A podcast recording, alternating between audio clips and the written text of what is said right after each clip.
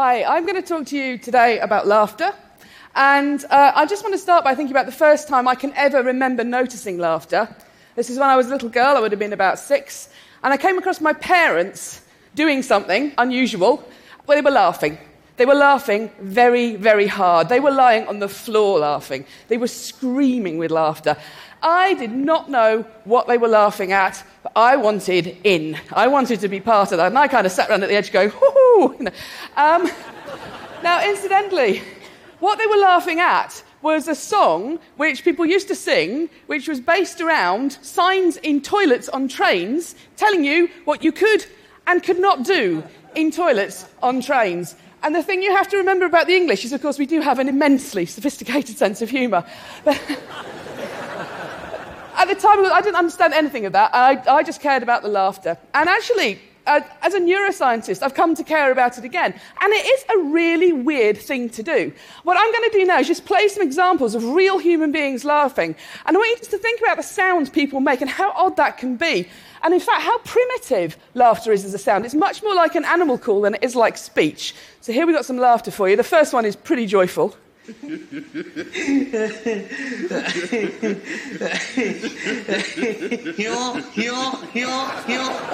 We're off.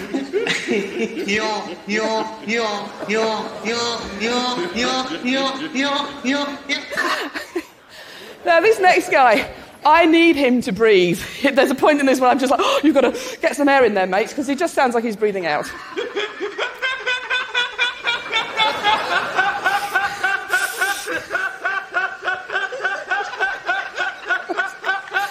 This is him.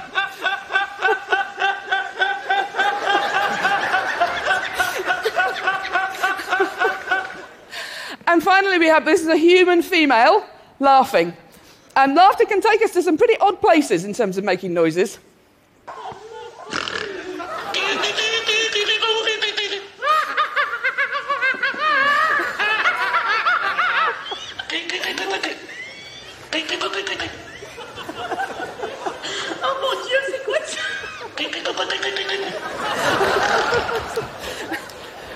she actually says, Oh my God, what is that in French? And I think, you know, we're all kind of with her. Yeah, I, I have no idea. Now, to understand laughter, you have to look at a part of the body that um, psychologists and neuroscientists don't normally spend very much time looking at, which is the rib cage. And it doesn't seem terribly exciting, but actually, you're all using your rib cage all the time. What you're all doing at the moment with your rib cage, and don't stop doing it, is breathing. So you use the intercostal muscles, the muscles between your ribs, to bring air in and out of your lungs just by expanding and contracting your rib cage. And if I was to put a strap around the outside of your chest, called a breath belt, and just look at that movement, you see a sort of rather gentle sinusoidal movement. So that's breathing. You're all doing it, don't stop. As soon as you start talking, you start using your breathing completely differently. So, what I'm doing now you see something much more like this. In talking, you use a very fine movement of the rib cage to squeeze the air out. And in fact, we're the only animals that can do this. It's why we can talk at all. Now, both talking and breathing has a mortal enemy, and that enemy is laughter. Because what happens when you laugh is those same muscles start to contract very regularly, and you get this very marked sort of zigzagging, and that's just squeezing the air out of you.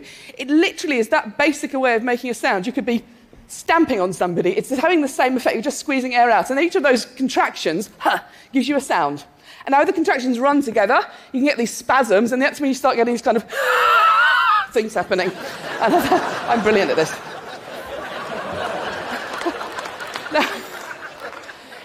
in terms of the science of laughter, there isn't very much, but it does turn out that pretty much everything we think we know about laughter is wrong.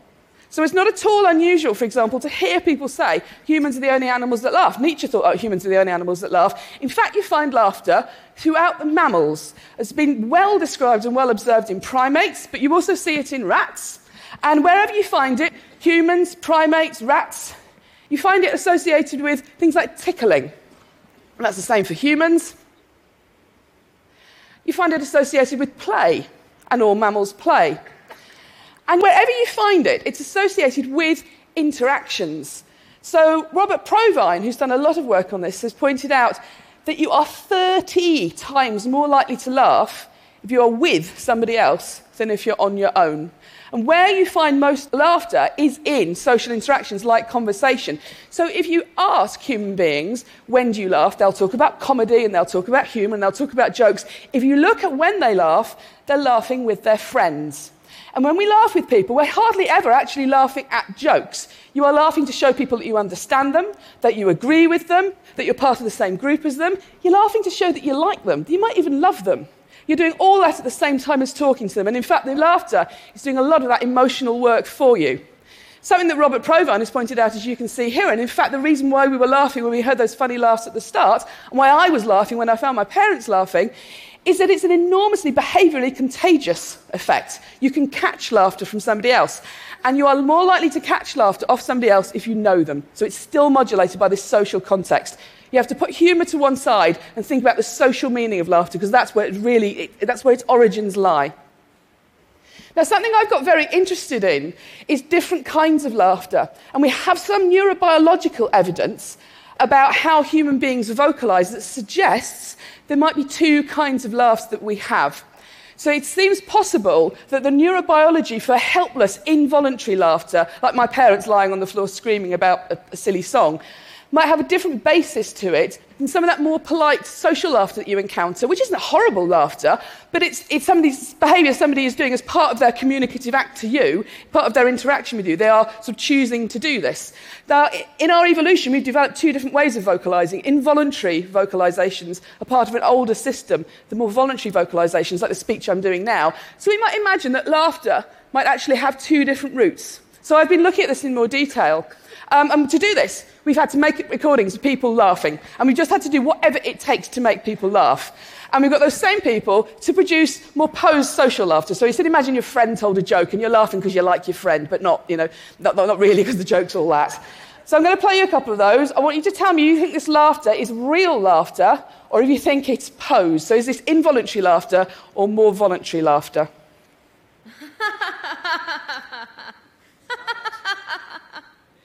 What does that sound like to you? Posed? Posed. How about this one?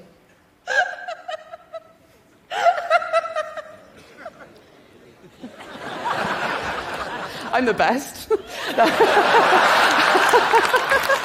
Not really. And, um, now, that, that was helpless laughter. And in fact, um, to record that, all they had to do was record me watching one of my friends listening to something I knew she wanted to laugh at, and I just start doing this. Now, what you find is that people are good at telling the difference between real and posed laughter. They seem to be different things to us. Interestingly, you see something quite similar with chimpanzees. Chimpanzees laugh differently if they're being tickled than if they're playing with each other. And we might be seeing something like that here, these sort of involuntary laughter, tickling laughter, being different from social laughter. They're acoustically very different.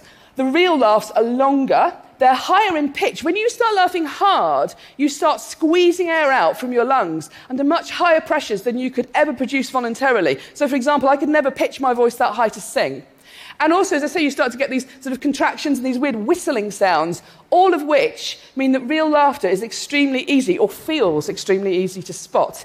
In contrast, posed laughter which does, we sort of think, well, it might sound a bit fake. Actually, it's not. It seems to be, it's such an important social cue. We use it a lot. We're choosing to laugh in a lot of situations.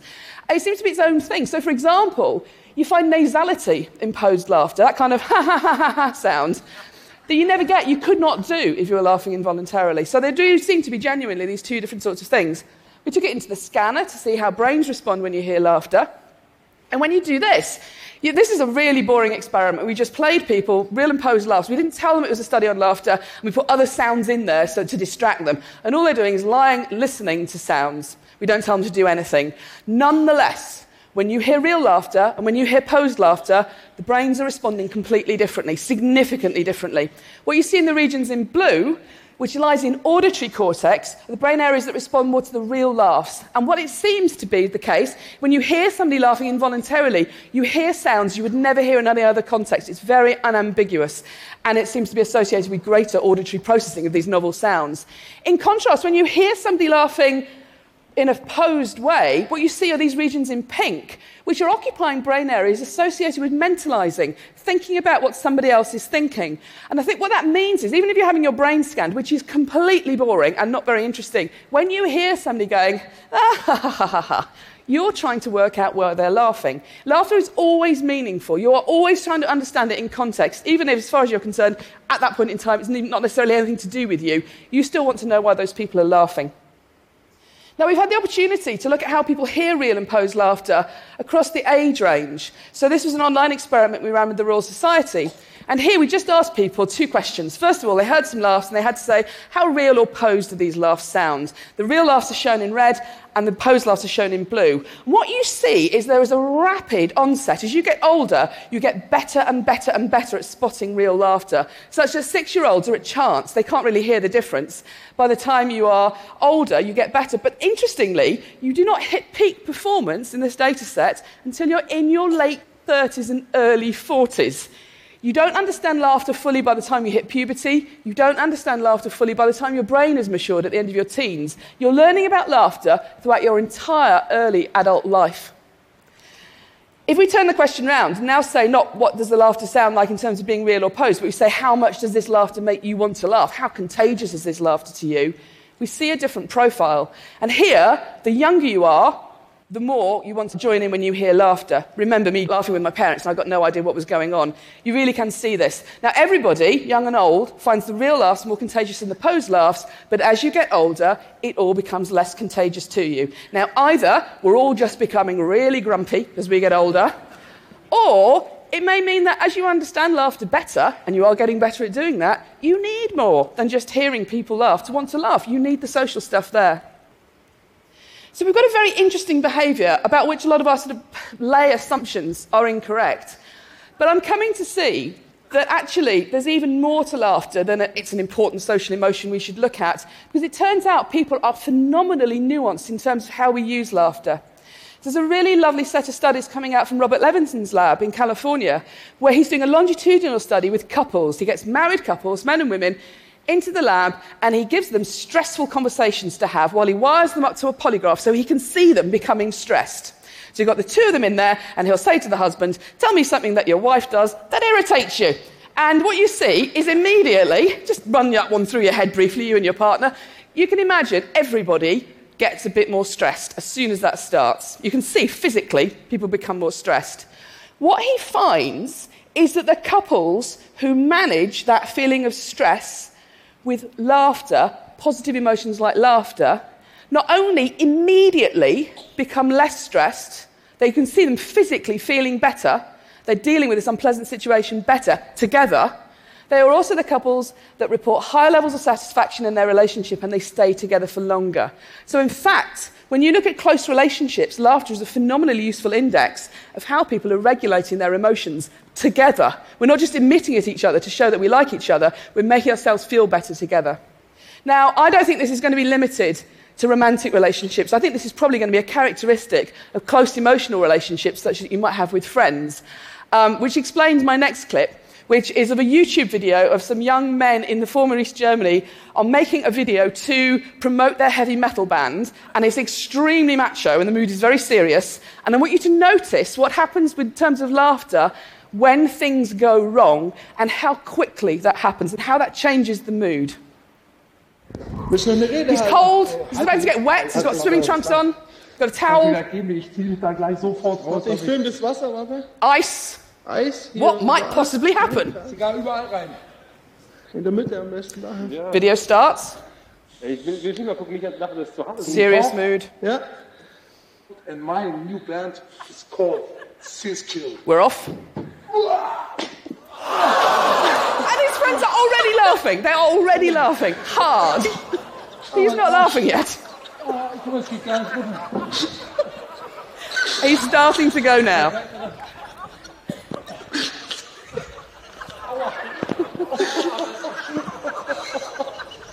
And now they're all off.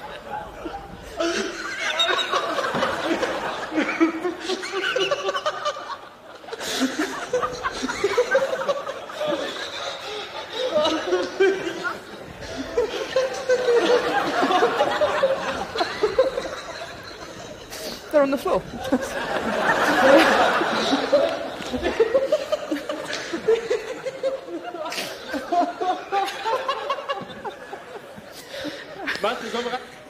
Really like about that is it's all very kind of serious until he jumps onto the ice. And as soon as he doesn't go through the ice, but also there isn't blood and bone everywhere, his friends start laughing.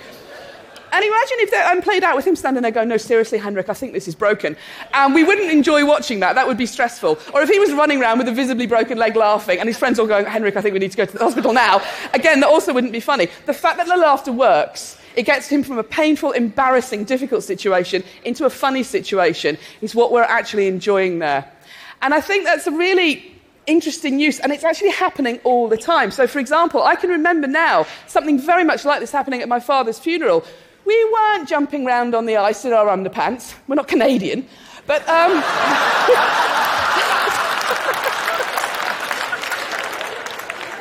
events are always difficult. I had a relative who was being a bit difficult. My mum was not in a good place. And I can remember finding myself just before the whole thing started telling this story about something that happened in a 1970s sitcom. Um, and, and, and, I just, I even at the time I thought, I don't know why I'm doing this. And all I realized I was doing was I was coming up with something from somewhere I could use to make her laugh together with me. It was a very basic reaction to find some reason we can do this. We can laugh together. We're going to get through this. We're going to be okay. And in fact, all of us are doing this all the time. You do it so often you don't even notice it. Everybody underestimates how often they laugh. And you're doing something when you laugh with people that's actually letting you access a really ancient evolutionary system that mammals have evolved to make and maintain social bonds and clearly to regulate emotions, to make ourselves feel better. It's not something specific to humans, it's a really ancient behavior which really helps us regulate how we feel and makes us feel better. In other words, when it comes to laughter, you and me, baby, ain't nothing but mammals. Thank you. Thank you.